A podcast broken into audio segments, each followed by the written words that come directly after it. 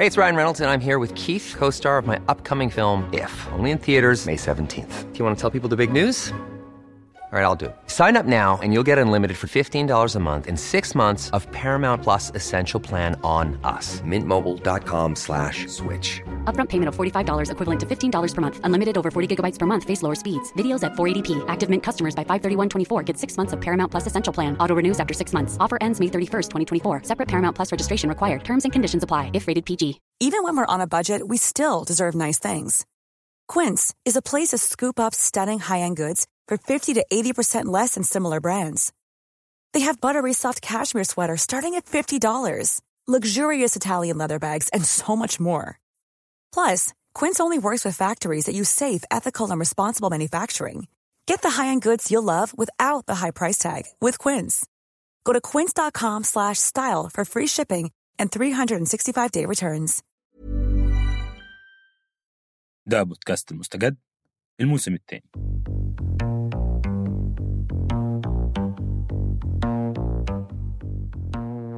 في الحلقات السابقة من المستجد حكينا عن قصص تداولها العالم خلال الأسابيع الماضية.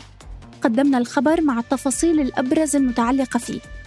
وفكرنا ببداية هالحلقة وقبل ما نبدأ بموضوعنا الأساسي نحكي لكم أهم المستجدات بالأخبار اللي شاركناها معكم. بدينا الموسم بانفجار مرفأ بيروت الكارثي. والخبر الأحدث هون إنه بعد أكثر من شهر من وقوع الانفجار اشتعلت نار بمخزن للزيوت وإطارات السيارات بالمرفأ ذاته. شباب يا صبايا في حريقة بالمرفأ. نحط 8 9 2020 الساعة 5 و6 دقايق. لسه مش واضحة الأضرار بالتفصيل بس يضاف هذا الحريق لخيبات أمل متتالية بعيشها لبنان وموضوع تحقيق جديد لسه ما صدرت نتائجه. آيا صوفيا بين الكاتدرائية والمتحف والمسجد؟ هالأيام لساته مسجد Sofya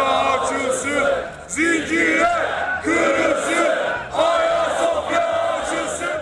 وفي أخبار عن قرار الرئيس التركي أردوغان بشأن تحويل متحف تاني كان برضو كنيسة قديمة إلى مسجد.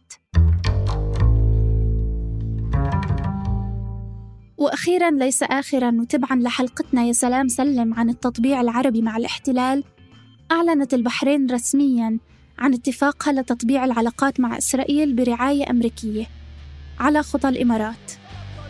الحكومة إن هي تطرد السفير الاسرائيلي عن مصر لازم نرجع نرجع دم المصريين اللي ماتوا امبارح على الحدود. إحنا دمنا مش رخيص. وسفارة الكيان الصهيوني على أرض الأردن. ورفض العلاقات ما بين الأردن الرسمي والكيان الصهيوني إذا لسه ما سمعتوا الحلقات الماضية تقدروا ترجعوا تسمعوهم على منصة البودكاست اللي بتفضلوها. نبدأ بحلقة اليوم.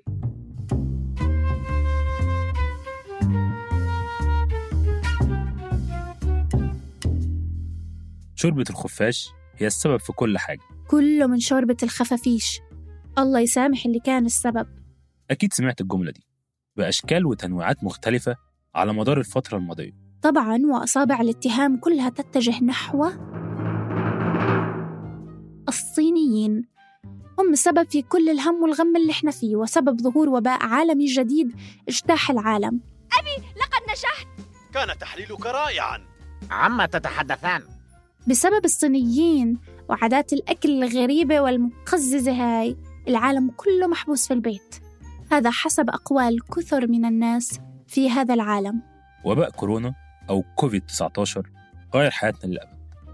بس الحاجة الملفتة إنه من الصعب جدا تغير قناعات الناس بأي حاجة تانية غير اللي هم مقتنعين بيها خاصة لو متمسكين بيها لأسباب لها علاقة بالمشاعر. زي مثلا لما ناس كتير قررت إنها تلوم الصينيين على كل حاجة. في هالحلقة من المستجد رح نسأل حالنا أين المنطق يا هذا؟ أو بالأحرى شو هو المنطق البشري اللي بيظهر في الأزمات؟ في وباء عالمي مثلا. ورح نتناول لمحة عن كيف إحنا كبشر بنفكر وبنتصرف بهيك ظروف. الحلقة دي حلقة خاصة من المستجد وده بس الجزء الأول منها. استنى الجزء التاني قريب جدا خلال الأسبوع. ودلوقتي خلينا نبدأ بالجزء الأول. معاكم هشام إسماعيل ولما رباح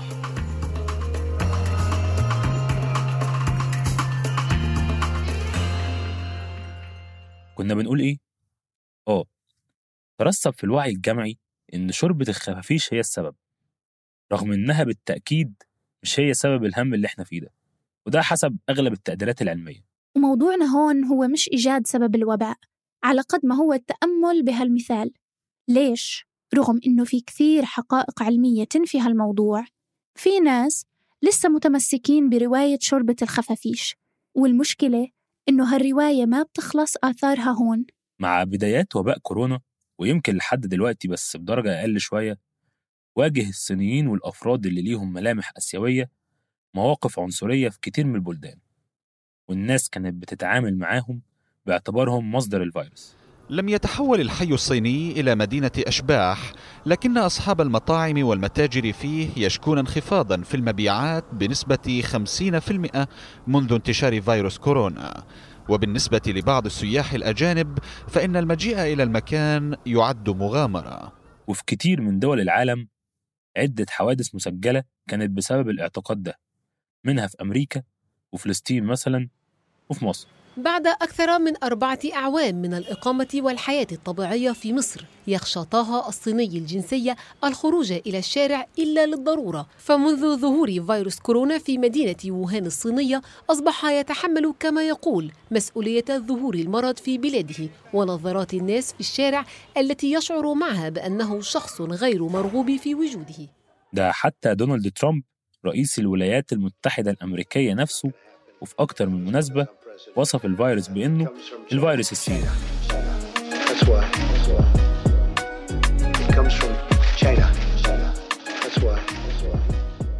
وعلى فكرة لما يقول إن الفيروس صيني هو كده بيخالف توصيات منظمة الصحة العالمية اللي بتنادي بالتوقف عن وصف الفيروسات بأسماء مدن أو بلدان وده منعا للتمييز ضد أفراد العرق أو الدين أو البلد دي.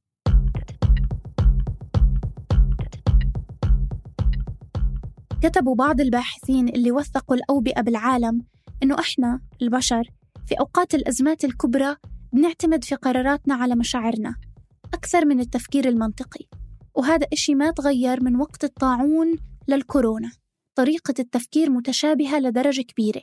منذ آلاف الس- السنين ظلت النظرة الس- السائدة للمرض خصوصا ال- ال- المعدي منه والوباء بصورة خاصة. تعتبر أن الوباء أو الجائحة إما هي إما لعنة إلهية أو عقاب من الآلهة كما في المجتمعات القديمة الغير التوحيدية أو تسليط للغضب الإلهي على الخارجين عن الطاعة والشواذ والأسرار إلى غير ذلك من من- الصور أو الأفكار التي تروج في مثل هذه الظروف. نسمع أكثر من عبد المجيد السخيري الباحث في الفلسفة والعلوم الإنسانية. في مثل هذه الظروف الاستثنائية وأيضا تلبد ال- الحس لتعطيل الطاقة النقدية لدى الناس وتطويع مشاعرهم.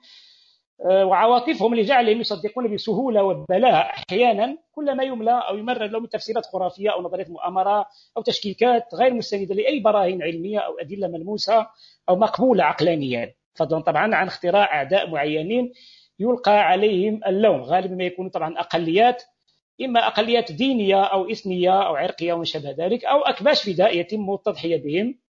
طبعا وتقديمهم آه، على شكل قرابين في في النهاية لتهدئة روع المجتمعات المصابة وترضية العامة لتفادي الاضطرابات والتمرد واحيانا بل آه، يمكن أيضا تفادي ثورات يعني نظريات المؤامرة حسب كلام أستاذ عبد المجيد مش مجرد آثار جانبية عادية.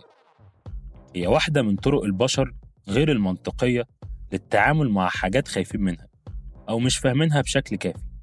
ولما بيكون الخوف هو سيد الموقف فهو اللي بيحرك البشر وبيوجههم وبندخل في دوامة من محاولات النجاة الفردية. ساعتها الأسهل هو إن نلاقي حدا نلومه بدل ما نلوم المجهول. وعادة بتكون الفئات الأضعف أو الأقليات في المجتمع هي الضحية. كتير من المؤرخين شايفين إن الكراهية كانت النتيجة الطبيعية للأوبئة وبيقولوا إن إلقاء اللوم على فئة أو شخص هي طريقة دفاعية بتخلي البشر بشكل ما يقدروا يفهموا الأوبئة دي. وبالتالي يتخيلوا إنهم قادرين يسيطروا عليها. الكوارث الطبيعية دائما وانتشار الاوبئه تفسيرات أسطورية اخترعت روايات عجيبة للسيطرة على الانفعال الجمعي وظلت كذلك ملازمة لكل أزمات من هذا النوع حتى في عصرنا. في القرون الوسطى مثلا لما ضرب الطاعون الأسود كما أطلق عليه آنذاك سالت نظرية المؤامرة بين الناس مفاد أن اليهود هم من يقفون وراء انتشار الوباء. بتسميمهم للآبار وطبعا وقعت مذابح كبيرة ولولا تدخل البابا بنفسه في ذلك الوقت لتفنيد طبعا هذه هذه هذه النظرية لتم ارتكاب طبعا مزايا رهيبه أخرى في حق الأقليات اليهودية بأوروبا كلها.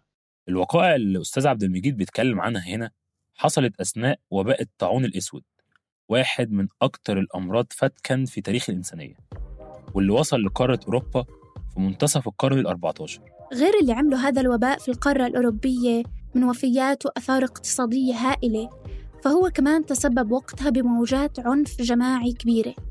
كانوا أبرز ضحاياها اليهود في أوروبا. وقتها كان في اعتقاد إن اليهود هم سبب الطاعون. اليهود كلهم بلا استثناء اتهموا بتسميم الآبار اللي بيشرب منها المسيحيين في أوروبا واتكررت وقتها كتير من المذابح ضدهم. والصورة دي صورة اليهود المسؤولين عن كل مشكلة في القارة فضلت مكملة طول فترة طاعون القرون الوسطى. وعشان نفهم ليه لازم نعرف إن الطاعون لما انتشر في قارة أوروبا في منتصف القرن ال 14 كانت المسيحية مسيطرة على كل جوانب الحياة سواء جوانب اجتماعية أو سياسية. وكانوا اليهود في نظر المسيحيين خارجين عن الجماعة. عضو مختلف غريب مش لابق للجسم المسيحي الكبير. وبالتالي كانوا كبش فداء سهل وكانوا بسهولة ممكن استهدافهم وسط أجواء من الوباء وكل الخوف والذعر اللي بيجي معاه.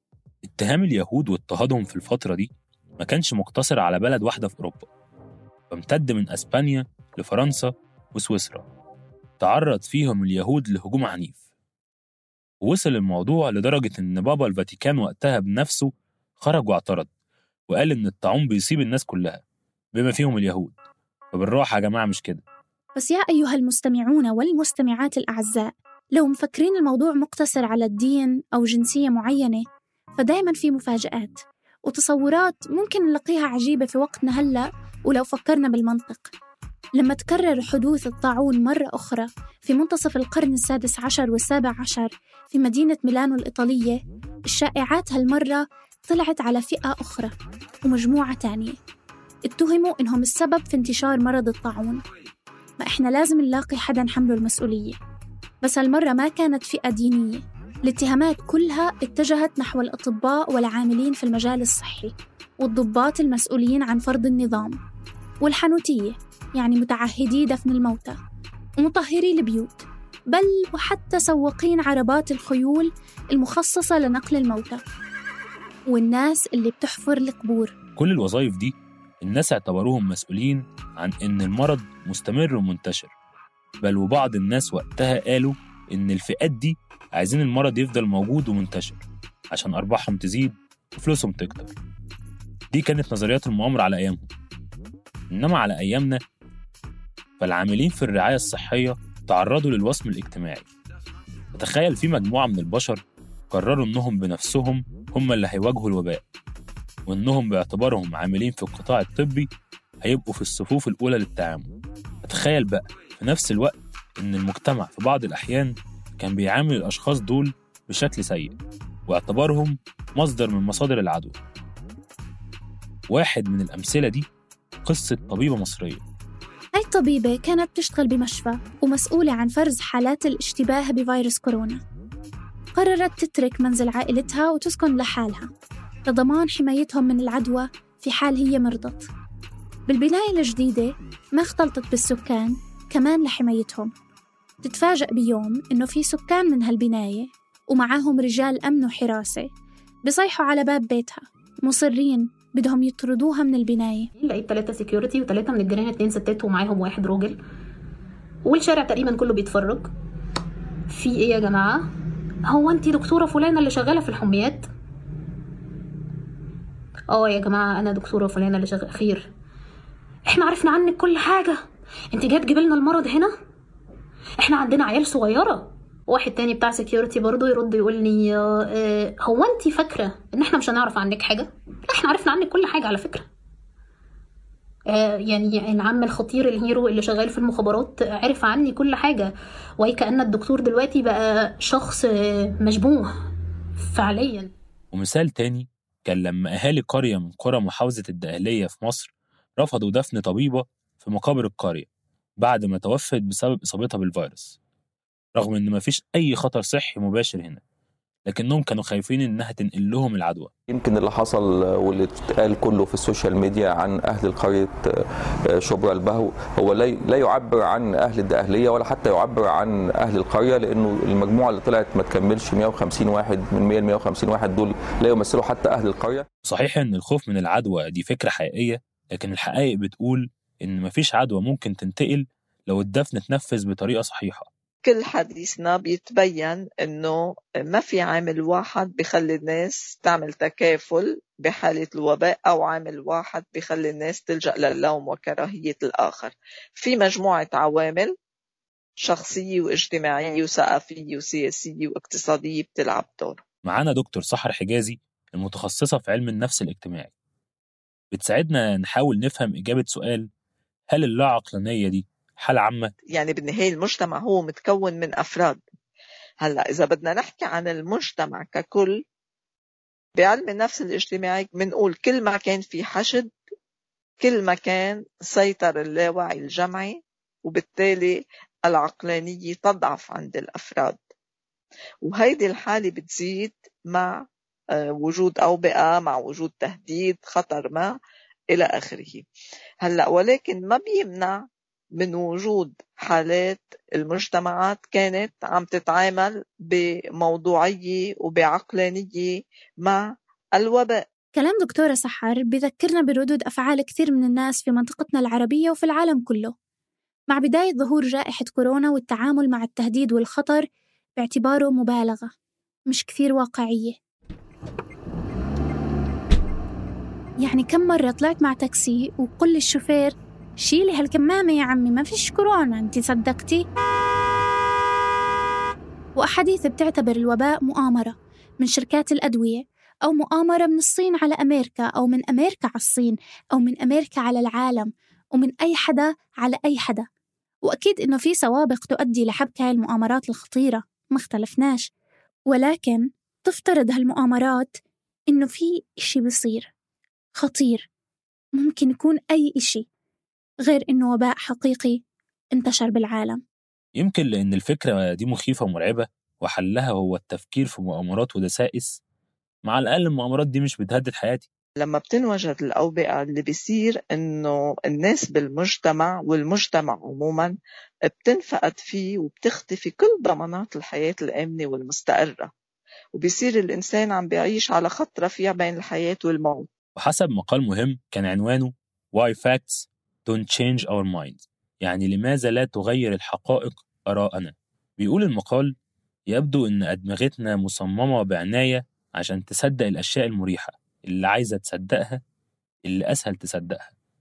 وإن على العكس من التصور الشائع عند كتير من المفكرين والعلماء فالحقائق وتوصيلها للناس مش بس هو نقطة الضعف الوحيدة ساعات بتكون الحقائق قدام عينينا لكن مشاعرنا هي اللي بتتحكم في طريقة تعاملنا معاها. وممكن بكل سهولة نختار إننا ما نصدقش حاجة لمجرد إنها بتخوفنا. أو نصدق حاجة غلط لمجرد إنها بتدينا إحساس وهمي بالسيطرة على العالم حوالينا.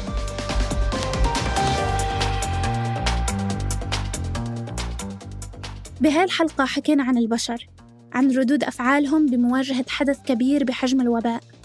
وشو اللي بخلي ناس كتير تهاجم؟